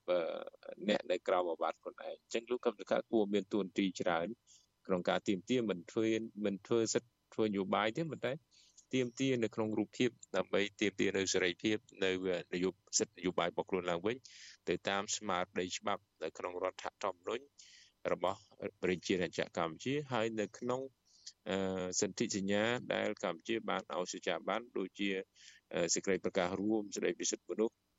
ជាសកលឆ្នាំ1943ថ្ងៃ10ធ្នូជាដើមនេះដែលយើងឲ្យតាំងពីឆ្នាំ1992មកនោះវានៅមានសុពលភាពហើយកម្ពុជាជាប្រទេសហត្ថលេខីព្រមទាំងជាសមាជិកគេហៅថាហត្ថលេខីនៃកិច្ចព្រមព្រៀងរបស់ប៉ារីសហើយដូច្នេះហើយយន្តការច្បាប់អន្តរជាតិនិងច្បាប់ រដ្ឋធម្មនុញ្ញកម្ពុជាមានសុពលភាពបណ្ដែតួអង្គនយោបាយគណៈគាត់នៅស្ងៀមមិនប្រកែកបានន័យថាហាក់ដូចជាទទួលយកក្រៅពីអស់ជំរឹះបានថាទី1អស់ជំរឹះនៅក្នុងការបដិសេធឬក៏ឬបំរាស់ក៏ប៉ុន្តែមានន័យថាគាត់ទទួលយកបើសិនបើគាត់មិនទទួលយកការទៀមទានឹងត្រូវតែលើកឡើងរហូតតាំងពីដើមទីនៃការចាប់ដាក់គុករហូតដល់ឲ្យនៅក្រៅឃុំពោះ ការទៀមទាម្នាក់ម្នាក់គឺមានទៀមទារកយុទ្ធធម៌សេរីភាពតាមឧទាហរណ៍ថាអ្វីបាត់ប្រព័ន្ធតឡាការខ្វះយុទ្ធធម៌នៅក្នុងសង្គមកម្ពុជាក៏តែវាទៀមទាជំហរសម្លេងរបស់លោកនឹងលោកមិនហ៊ានចេញក៏មានមេទ្វីលោកហាមាត់ដែរអញ្ចឹងសកម្មភាពខ្លះអាចធ្វើបានទេប៉ុន្តែគាត់នៅសកម្មភាពលោកមិនធ្វើយើងមិនយល់ពីបំណងឬក៏វិហត្ថនយោបាយអហិង្សារបស់លោកកឹមសុខាក្នុងក្របខ័ណ្ឌណាមួយទេបាទចា ប៉ុន្តែលោកអែមសវណ្ណរាបើសិនជាយើងពិនិត្យឲ្យមែនតែនទៅលោកកឹមសុខាមិនមែននៅស្ងៀមបិទមាត់ស្ងាត់ឈឹងរហូតទេគឺគឺលោកតែងតែជួបជាមួយនឹងតំណាងទូតបណ្ដាប្រទេសប្រជាធិបតេយ្យផ្សេងផ្សេងដែលទៅជួបលោកនឹងហើយនៅក្នុងនឹងយើងអាចមើលឃើញសាររបស់លោកដែលចេញនៅលើ Facebook រាល់ដងពេលដែលលោកជួបជាមួយនឹងមន្ត្រីទាំងនោះ លើកឡើងថាលោកបានប្រាប់គេពីរឿងរ៉ាវដែលតាក់ទងនឹងរឿងក្តីរបស់លោកគាត់បាន ស្នើសុំគេឲ្យជួយទៅដល់ការស្ដារសិទ្ធិមនុស្សស្ដារប្រជាធិបតេយ្យអីនៅកម្ពុជាឡើងវិញដូច្នេះមើលមកជ្រុងនេះលោកដូចជាមិនស្ងប់ស្ងាត់ដែរទេដូចជាបានធ្វើនយោបាយការបរទេសនឹងដែរចាហើយមួយចំណុចទៀតហ្នឹងដោយលោកអែមសវណ្ណរាបានលើកឡើងអញ្ចឹងមានមន្ត្រីស្និទ្ធនឹងរបស់លោកកឹមសុខាមានមេធាវីរបស់លោកកឹមសុខាហើយក្នុងនោះក៏មានកូនស្រីរបស់លោកកឹមសុខាដែរចាតែងតែបង្ហោះសារនៅលើ ប្រព័ន្ធបណ្ដាញសង្គមនឹងហើយជាញឹកញយនឹងក៏បានលើកឡើងពីភាពអយុត្តិធម៌ដែលកើតឡើងទៅលើលោកកឹមសុខាការចាប់ខ្លួនដែលគេអាចពិពណ៌នាបានថាគឺជាអំពើព្រៃផ្សៃដែល ចាត់ទុកថាដូចជាការអនុវត្តរបស់ក្រមខ្មែរក្រហមទៅលើលោកកឹមសុខានេះគឺជាអ្វីដែលកូនស្រីរបស់លោកកឹមសុខាគឺកញ្ញាគឹមមនុវិជ្ជានោះបានសរសេរនៅលើ Twitter របស់កញ្ញានោះនៅពេលដែលមកដល់ខួប5ឆ្នាំនៃការចាប់ខ្លួនលោកកឹមសុខានឹងដែរហើយកញ្ញាក៏បានបញ្ជាក់ថាការទៀមទារយុត្តិធម៌ការស្វែងរក ការស្ដារសិទ្ធិមនុស្សនិងប្រជាធិបតេយ្យនៅកម្ពុជាឡើងវិញហ្នឹងគឺនៅតែបន្តទេមិនបានបោះបង់ទេបើទោះបីជាឪពុកនឹងស្ងៀមស្ងាត់ក៏ដោយហើយនៅតែមានក្តីសង្ឃឹមថាគណៈបកសង្គ្រោះជាតិនឹងត្រឡប់មកវិញនៅពេលណាមួយនៅពេលដែលរដ្ឋាភិបាលទីក្រុងភ្នំពេញនឹងបើកឲ្យត្រឡប់មកវិញអីជាដើមតើកន្លែងនេះលោកអែមសវណ្ណរាមើលឃើញថាมันគ្រប់គ្រាន់ទេត្រូវធ្វើអ្វីខ្លះបន្ថែមទៀតឬក៏យ៉ាងម៉េចចា៎បាទកន្លែងហ្នឹងខ្ញុំ ទទួលស្គាល់អ្វីដែលអ្នកស្រីសុជីវីលើកឡើងពាក់ព័ន្ធទៅនឹងប្រតិកម្មរបស់កូនស្រីលោកកឹមសកាលោកកញ្ញាកឹមនូវិជ្ជាជាដើមប៉ុន្តែបើយើងពិនិត្យឲ្យស៊ីជម្រៅតាំងពីការចាប់ខ្លួនកាលពី5ឆ្នាំមុន2017មកហ្នឹងអឺលោកកឹមសុខាព្រមទាំងកូនស្រីលោកកឹមសុខាហ្នឹងមានប្រតិកម្មមិនខ្លាំងដូចបច្ចុប្បន្នហ្នឹងទេបានន័យថានៅក្នុងពេលជាប់ឃុំហើយនឹង ក្រោយការចូលឃុំអត់មានប្រតិកម្មខ្លាំងក្លាដូចបច្ចុប្បន្ននេះទេឬក៏អត់មានយន្តការនយោបាយការបរទេសគៀងគោការគ្រប់គ្រងនឹងខ្លាំងក្លាដូចប្រហែលឆ្នាំចុងក្រោយ2ឆ្នាំចុងក្រោយនេះទេបើយើងមើលជាក់ស្ដែងឲ្យឃើញទឹកវាពិតប្រកបអញ្ចឹងកម្លាំងដែលគេហៅថាទៅគោះទៅដាស់ស្មារតីអ្នកប្រជាធិបតេយ្យឲ្យជួយគ្រប់គ្រងនឹងវានៅស្ងប់ស្ងាត់ដែរនៅក្នុងគណៈពេលដែលគណៈបកកណ្ដាលអំណាចគៀងគោការគ្រប់គ្រងរបស់បណ្ដារដ្ឋផ្សេងផ្សេងហ្នឹង ឲ្យទទួលយន្តការនៃការតំណាក់តំណងនឹងស្មើមុខស្មើមាត់ហាក់ដូចជាបំភ្លេចនៅគណៈបកប្រឆាំងបាត់ហើយហាក់បំភ្លេចនៅអ្វីដែលគណៈបកប្រឆាំងកំពុងតែជាប់បំរាមនយោបាយហើយយើងមើលមន្ត្រី117នាក់ដែលនៅសល់នេះសុំសិទ្ធិធ្វើនយោបាយខ្ទង់30នាក់ចុះអញ្ចឹងនៅសល់ខ្ទង់80នាក់ជាងនឹងទៅណាមិនឃើញធ្វើអីសោះអានេះជាកណ្ដាភាពស្គីមស្កាត់មួយដែលពិបាកនឹងធ្វើឲ្យ អឺបតិជាតិអ្នកគ្រប់គ្រងរបស់គណៈបកសង្គ្រោះជាតិព្រមទាំងសហគមន៍អន្តរជាតិនេះធ្វើការចាប់អារម្មណ៍ពោះសម័យខ្លួនមិនចាប់អារម្មណ៍អ្នកដទៃជឿឆ្អាលយ៉ាងម៉េចខ្លះ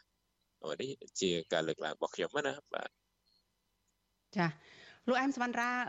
សំណួរចុងក្រោយទេតកតងទៅនឹងការសម្លឹងមើលទៅថ្ងៃមុខវិញដោយសារតាមិនយូរទេការដែលជាប់បំរាមនយោបាយហ្នឹងគឺ អាចនឹងបញ្ចប់ទៅហើយហើយមន្ត្រីគណៈបកសង្គ្រោះជាតិភាកច្រើនចាលើកលែងតែអ្នកដែលបានសុំសិទ្ធិធ្វើនយោបាយឡើងវិញហ្នឹងអាចថាមានសិទ្ធិសេរីភាពឡើងវិញគ្រប់គ្រាន់ចូលរួមឆាកនយោបាយអីអញ្ចឹងទៅតើរឿងនេះចំពោះលោកអែមសវណ្ណរាមវិញលោកមើលឃើញថាគួរតែចាប់ផ្ដើមយ៉ាងម៉េចគួរតែមានការសកម្មភាពនយោបាយអីយ៉ាងម៉េចខ្លះសម្រាប់គណៈបកសង្គ្រោះជាតិទៅមុខទៀតនឹងចា៎អឺ គណៈបកសង្គ្រោះជាតិបច្ចុប្បន្នហាក់ដូចជាដល់របត់មួយ បានន័យថាពិបាកនឹងកើតឡើងពីព្រោះអត់តមានសញ្ញាណអីទេអ្វីទៅតែឧទាហរណ៍ថា2ខែទៀតចុះអឺអ្នកជាប់បំរាមយោបាយហ្នឹងអាចរួចផុតពីការចោតប្រកាន់ក៏ប៉ុន្តែយើងមើលអ្នកដែលសុំសិទ្ធិធ្វើនយោបាយដោយលោកសុតឆៃជាដើមឬក៏អ្នកផ្សេងទៀតដែលរួចពីអង្គហៅថានឹងរួចពីបំរាមឬក៏នៅក្នុងបំរាមបច្ចុប្បន្ននឹងជាប់បណ្ដឹង នៃតឡាការជាច្រើន ជាពិសេសថ្នាក់ដឹកនាំឬក្បាលម៉ាស៊ីននយោបាយរបស់គណៈបកសង្គ្រោះជាតិហ្នឹងជាប់បំរាមនយោបាយជាប់បណ្ដឹងច្រើនទោះបីជារួចបំរាមហ្នឹងក៏នៅជាប់បណ្ដឹងតែតែដូច្នេះខ្ញុំគិតថាអឺសកម្មភាពឬការធ្វើនយោបាយហាក់ដូចជាពិបាកគៀងគោឬក៏រួមគ្នានៅក្នុងចរន្តមួយដើម្បីជំរុញឲ្យគណៈបកសង្គ្រោះជាតិនឹងរស់ឡើងវិញហាក់ដូចជាពិបាកណាស់ បើយើងមើលឃើញសារពីបច្ចុប្បន្នព្រោះយន្តការនៃការកាត់ក្តីលោកកម្មការរហូតមកថ្ងៃនេះដូចជាពុំមានពន្លឺឬក៏ច្រកណាមួយថាគណៈបកសង្គ្រោះជាតិឲ្យរស់ឡើងវិញទេបាទចាអរគុណច្រើនចាលោកអែមសវណ្ណរាដែលបានផ្ដល់ការសម្ភាសនៅពេលនេះចាជម្រាបលាលោកត្រឹមប៉ុណ្ណេះជូនពរលោកសុខភាពល្អចាបាទជំរាបលាបាទ ចាលោកនាងជាទីមេត្រីចាងាកទៅព័ត៌មានតកតនៅពលករខ្មែរនៅឯប្រទេសថៃឯនោះវិញចាពួកគាត់កំពុងតែខ្វល់ខ្វាយថាมันមានលទ្ធភាពមកស្រុកកំណើតដើម្បីប្រារព្ធពិធីបុណ្យភ្ជុំបិណ្ឌជួបជុំគ្រួសារចាសូមស្ដាប់សេចក្តីរាយការណ៍របស់លោកសីបណ្ឌិតអំពីរឿងនេះពលករពលករនីមួយចំនួនដែលកំពុងធ្វើការងារនៅក្នុងប្រទេសថៃឲ្យដឹងថាបុណ្យភ្ជុំបិណ្ឌឆ្នាំនេះពួកគាត់ខកខានមិនបានទៅចូលរួមធ្វើបុណ្យទានជាមួយនឹងក្រុមគ្រួសារទេ ដោយសារតែបញ្ហាសេដ្ឋកិច្ចរបស់ពួកគាត់កំពុងជួបផលលំបាកព្រោះមានការងារធ្វើបន្ពេញថ្ងៃគ្មានប្រាក់សន្សំទុក និងត្រូវចំណាយមួយភាគធំ ទៅលើការងារឯកសារការងារពួកគាត់ចង់ទៅសួរសុខទុក្ខម្ដាយឪពុកនៅឯស្រុកកំណើតនិងចង់ទៅជួបមុខកូនចៅ ដែលបែកគ្នាជាច្រើនឆ្នាំក្នុងរដូវបុណ្យភ្ជុំបិណ្ឌនេះក៏ប៉ុន្តែដោយសារស្ថានភាពលំបាកលំបិននិងរោគចំណូលបានតិចតួច ពួកគាត់សម្រេចចិត្តមិនទៅលេងស្រុកកំណើត ជួបជុំឪពុកម្ដាយនោះទេដោយគ្រាន់តែផ្ញើថវិកាតិចតួចជាការនឹករលឹកប៉ុណ្ណោះពលករនីម្នាក់ធ្វើការងារផ្នែកអនាម័យតាមផ្ទះក្នុងទីក្រុងបាងកកមានស្រុកកំណើតនៅខេត្តបាត់ដំបងលោកស្រីសាទសឿបអាយុ37ឆ្នាំ បានប្រាប់បទសុអសីសេរីនៅថ្ងៃទី5ខែកញ្ញាថាក្នុងរដូវបុណ្យភ្ជុំបិណ្ឌនេះលោកស្រីនឹករលឹកដល់ស្រុកកំណើតជាខ្លាំងជាពិសេសម្ដាយឪពុកបងប្អូនដែលកំពុងទន្ទឹងរង់ចាំផ្លូវលោកស្រី ដើម្បីជួបជុំធ្វើបុណ្យទានរួមគ្នា លោកស្រីបន្តថា លោកស្រីសោកស្ដាយដែលមិនបានទៅជួបជុំក្រុមគ្រួសារព្រោះកន្លែងការងាររបស់លោកស្រីពិបាកសុំច្បាប់សម្រាប់មិនហ៊ានទៅដោយគ្មានការអនុញ្ញាតខ្លាចគេបណ្ដេញចេញពីការងារលោកស្រីបញ្ជាក់ថាបើតាមចិត្តនឹករលឹក លោកស្រីចង់ទៅលេងមួយឆ្នាំ4 5ដងក៏ប៉ុន្តែមកពីបញ្ហាជីវភាពទើបចេះតែទ្រាំតស៊ូទាំងសោកសៅ ធ្វើការសន្សំប្រាក់យកទៅចិញ្ចឹមកូន និងឪពុកម្ដាយចាស់ជរាអូយនិយាយពីនឹកស្រុកក៏ចង់តែមួយឆ្នាំទៅឯងពីរបីដងនឹកខ្លាំងណានិយាយទៅឲ្យជាប់ទៅហើយជាពិសេសបនជុំចូលឆ្នាំហ្នឹងជារដូវដែលយើងត្រូវទៅជួបជុំគ្រួសារគ្រួសារខ្ញុំគេទៅទាំងអស់ហ្នឹងអត់តែខ្ញុំទេព្រោះខ្ញុំខ្ញុំមានតរៈទៅខែ11មានតរៈខែ11នឹងផងស្រដៀងគ្នានេះដែរ ពលករខ្មែរម្នាក់ទៀតធ្វើការឲ្យក្រុមហ៊ុនលក់រថយន្តមួយនៅក្នុងទីក្រុងបាងកកមានស្រុកកំណើតនៅខេត្តពោធិ៍សាត់លោកយឿមវ៉ាន់យឿតប្រាប់ថាលោកចង់ទៅលេងស្រុកកំណើតនៅរដូវបុណ្យភ្ជុំបិណ្ឌក៏ប៉ុន្តែត្រូវចំណាយអស់ច្រើន គឺជាង10000បាតដោយសារតែលោកមិនសូវសល់ប្រាក់ផង មិនចង់ចំណាយខ្ជះខ្ជាយផង និងជីវភាពមិនទាន់ល្អប្រសើរផងនោះលោកក៏សម្រេចចិត្តមិនទៅជួបជុំក្រុមគ្រួសារក្នុងរដូវបុណ្យភ្ជុំបិណ្ឌឆ្នាំនេះទេលោកបន្តថា លោកក៏ដូចជាពលរដ្ឋខ្មែរដទៃទៀតដែរភ ieck ច្រើនតែងតែនិយមត្រឡប់ទៅស្រុកកំណើតនៅរដូវបុណ្យភ្ជុំបិណ្ឌនិងបុណ្យចូលឆ្នាំខ្មែរបើទោះបីជាបច្ចុប្បន្នការធ្វើដំណើរចុះឡើងឆ្លងដែនពីថៃទៅកម្ពុជាពិបាកយ៉ាងណាក្តីលោកនឹកស្រុកកំណើតខ្លាំងដោយសារ3ឆ្នាំហើយដែលលោកពុំបានទៅសួរសុខទុក្ខឪពុកម្ដាយនោះទេគ្រាន់តែបានផ្ញើថវិកាខ្លះទៅក្រុមគ្រួសារ ការមិនមែនថាបងប្អូនខ្មែរនៅទីនេះគាត់មិនចង់ត្រឡប់ទៅទេរឿងប្រជុំបុណ្យទានក៏ប៉ុន្តែករណីជាទូទៅវាមានពីរបងទាំងខ្ញុំទាំងគេទី1ដោយសារតែយើងធ្វើការចំណាក់ស្រុកឆ្ងាយស្រុកដូច្នេះការធ្វើដំណើរផ្សេងផ្សេងយើងត្រូវមានការរៀបគម្រោងទុកជាមុនហើយនៅពេលដែលពួកគាត់ទាំងខ្ញុំទាំងគេចុះត្រឡប់ទៅផ្ទះម្ដងម្ដងយើងត្រូវការចំណាយច្រើនអត់ក្រោម10000ទៅ2-30000បាតទេពលករនីខ្មែរម្នាក់ទៀតធ្វើការផ្នែកបោសសម្អាតនៅសន្តាគារមួយក្នុងទីក្រុងបាងកក មានស្រុកកំណើតនៅខេត្តកំពង់ចាមគាត់រស់នៅក្នុងប្រទេសថៃប្រមាណ12ឆ្នាំមកហើយលោកស្រីឆេងណីអាយុ41ឆ្នាំឲ្យដឹងថា លោកស្រីចង់ទៅលេងបុណ្យភ្ជុំបិណ្ឌណាស់តែដោយសារតែមានប្រាក់តិចតួច ការរាតត្បាតជំងឺ Covid-19 ការងារមិនពេញថ្ងៃចំណូលក៏មិនបានច្រើននឹងត្រូវជន់ជាតិថៃបានបោកលោកស្រីអស់ប្រាក់ជាង20000បាតទៀតដោយសារឲ្យយកប៉ាសពតទៅបន្តសុពលភាពឲ្យតែមកទល់នឹងពេលនេះ នៅមិនទាន់បាននៅឡើយទេលោកស្រីបន្តថាក្នុងរដូវបុណ្យទានដូចនេះលោកស្រីនឹករលឹកស្រុកភូមិណាស់ជាពិសេសឪពុកម្ដាយដែលលោកស្រីចង់តែទៅជួបមុខពួកគាត់ជូនលុយកាក់ខ្លះនិងចង់ជួបជុំជជែកគ្នាលេងជាមួយនឹងបងប្អូននៅផ្ទះប៉ុន្តែបញ្ហាជីវភាពมันអាចឲ្យលោកស្រីទៅបាននោះទេ តាមពិតទៅពួកខ្ញុំចង់ទៅអាដូចថាបនទៀនអញ្ចឹងមិនដែរដូចថាពេលទៅអញ្ចឹងមកវិញវាអស់សហួយច្រើនហើយតើតែមានថវិកាច្រើនអញ្ចឹងបានយើងអាចទៅបានទៅវាសបោសបាយទៅអត់មានលុយអីអញ្ចឹងពិបាករាល់ថ្ងៃណាមួយរកលុយអត់បានដូចពីមុនអីរកលុយបានអញ្ចឹងឥឡូវប្រាក់ខែត្រឹមតែ10000ទេគេកាត់ថ្លៃបន្ទប់1000នៅសល់តែ9000ទេដូចគ្នានេះដែរពលករនីខ្មែរម្នាក់ទៀតធ្វើការងារដោយលោកស្រីឆេងនៃដែរ និងមានស្រុកកំណើតនៅខេត្តកំពង់ចាមដូចគ្នា គឺលោកស្រីហាក់រស់អាយុ38ឆ្នាំប្រាប់ថាឆ្នាំនេះលោកស្រីនិងប្តីមិនបានទៅសួរសុខទុក្ខឪពុកម្ដាយនិងកូនទេព្រោះគ្មានប្រាក់សេសសល់ដោយសារតែធ្វើការងារមិនបានច្រើនដោយកាលពីពេលមុន និងចំណាយលើការចាយវាយប្រចាំថ្ងៃច្រើនព្រោះទំនិញឡើងថ្លៃគ្រប់មុខលោកស្រីនឹករលឹកដល់ស្រុកកំណើតណាស់នៅពេលបុណ្យទានម្ដងម្ដងយ៉ាងដូចនេះនិងចង់ទៅជួបមុខបងប្អូន តែលោកស្រីគ្មានសហួយធ្វើដំណើរត្រឡប់ទៅស្រុកកំណើតនោះទេលោកស្រីចង់ឃើញកម្ពុជាមានការអភិវឌ្ឍសម្បូរការងារសម្រាប់ឲ្យប្រជាពលរដ្ឋខ្មែរធ្វើមានមុខរបរចិញ្ចឹមជីវិតច្បាស់លាស់និងរស់នៅសុខដុមរមនាជួបជុំក្រុមគ្រួសារដើម្បីកុំឲ្យចំណាក់ស្រុកទៅធ្វើការនៅឯស្រុកគេដោយសពថ្ងៃនេះ។ រឿងអារម្មណ៍នឹងហួយថ្នាក់ដេកដេកនឹកឃើញម៉ែនឹកឃើញកូននឹកឃើញគ្រួសារនៅផ្ទះយំក៏មានតែមិនដឹងធ្វើម៉េចដូចថាជីវភាពយើងវាក្រពីយើងទៅហើយអញ្ចឹងយើងអត់មានលុយឲ្យកូនរៀនអញ្ចឹងក៏ចេះទ្រាំអញ្ចឹងនៅប្រឈមមុខរតេតតេតផ្ដល់លុយឲ្យកូនរៀនពួកខ្ញុំអាយុក៏ច្រើនដែរបើធ្វើការនៅខ្មែរធ្វើការរោងចក្រគេមិនយកយើងទេអាយុច្រើនហើយ វិទ្យុអាស៊ីសេរីនៅពុំទាន់អាចតាក់ទងសុំការអធិប្បាយជុំវិញបញ្ហានេះពីស្ថានទូតកម្ពុជាប្រចាំនៅប្រទេសថៃបានទេដោយសារទូរស័ព្ទហៅចូលច្រើនដងតែពុំមានអ្នកទទួលមន្ត្រីសិទ្ធិការងារផ្នែកពលករទេសនប្រវេសប្រចាំនៅប្រទេសថៃនៃមជ្ឈមណ្ឌលសម្ព័ន្ធភាពការងារនិងសិទ្ធិមនុស្សហៅកាត់ថាសង្ត្រាល់លោកលឹងសុផុនមើលឃើញថាពលករខ្មែរបច្ចុប្បន្នដែលធ្វើការនៅក្នុងប្រទេសថៃភ ieck ច្រើនពួកគាត់ មិនបានវិលត្រឡប់ទៅលេងស្រុកកំណើតក្នុងរដូវបុណ្យភ្ជុំបិណ្ឌនេះទេព្រោះពួកគេកំពុងប្រឈមនឹងបញ្ហាជីវភាពដោយសារការងារតិចនិងខ្លះគ្មានការងារធ្វើតែម្ដងលោកបន្តថាពលករខ្មែរនៅក្នុងប្រទេសថៃជួបទុក្ខលំបាកច្រើនជាពិសេសក្នុងរដូវបុណ្យទានម្ដងម្ដងពួកគេតែងតែសញ្ជឹងនឹករលឹកទៅដល់ស្រុកកំណើតនិងម្យ៉ាងទៀតការងារក៏មិនសម្បូរដូចពេលមុនដែរ អឺប្រាក់ចំណូលប្រចាំថ្ងៃអញ្ចឹងបើសិនជាមិនមានការថែមម៉ោងទេគឺពួកគាត់ពិបាកក្នុងការចំណាយបើថាចំណាយលំបាកខ្ញុំឃើញបងប្អូនខ្លះទទួលខុសត្រូវរឿងចំណាយថ្លៃបន្ទប់ថ្លៃភ្លើងថ្លៃយកលុយទៅជួយគ្រួសារនៅស្រុកខ្មែរផងអញ្ចឹងពិធីបុណ្យភ្ជុំបិណ្ឌជាប្រពៃណីរបស់ដូនតាខ្មែរតាំងពីសម័យមុនអង្គរ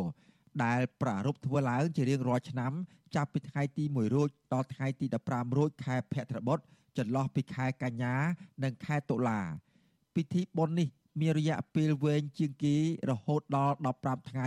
ខណៈជារៀងរាល់ឆ្នាំប្រជាពលរដ្ឋកម្ពុជាគ្រប់រូបត្រូវបានអនុញ្ញាតឲ្យឈប់សម្រាកពីការងាររយៈពេល3ថ្ងៃដើម្បីចូលរួមប្រារព្ធពិធីបុណ្យភ្ជុំបិណ្ឌនេះតាមប្រពៃណីទំនៀមទម្លាប់របស់ប្រជាពលរដ្ឋខ្មែរ ពលរដ្ឋខ្មែរគ្រប់វ័យតែងតែរៀបចំម្ហូបអាហារដើម្បីទៅបោះបាយបិណ្ឌប្រគេនចង្ហាន់ដល់ព្រះសង្ឃនៅតាមវត្តអារាមដោយឧទ្ទិសកុសលផលបុណ្យទាំងឡាយជូនដល់សាច់ញាតិរបស់ពួកគេដែលបានចែកឋានទៅដោយសេចក្តីនឹករលឹកខ្ញុំបាទសេកបណ្ឌិតវុទ្ធុអាស៊ីសេរីពីរដ្ឋធានីវ៉ាស៊ីនតោនចាលោកនាងកញ្ញាជាទីមេត្រីចាចំពោះលោកនាងដែលកំពុងតាមដានការផ្សាយរបស់វិទ្យុអាស៊ីសេរីចានៅលើបណ្ដាញសង្គម Facebook និង YouTube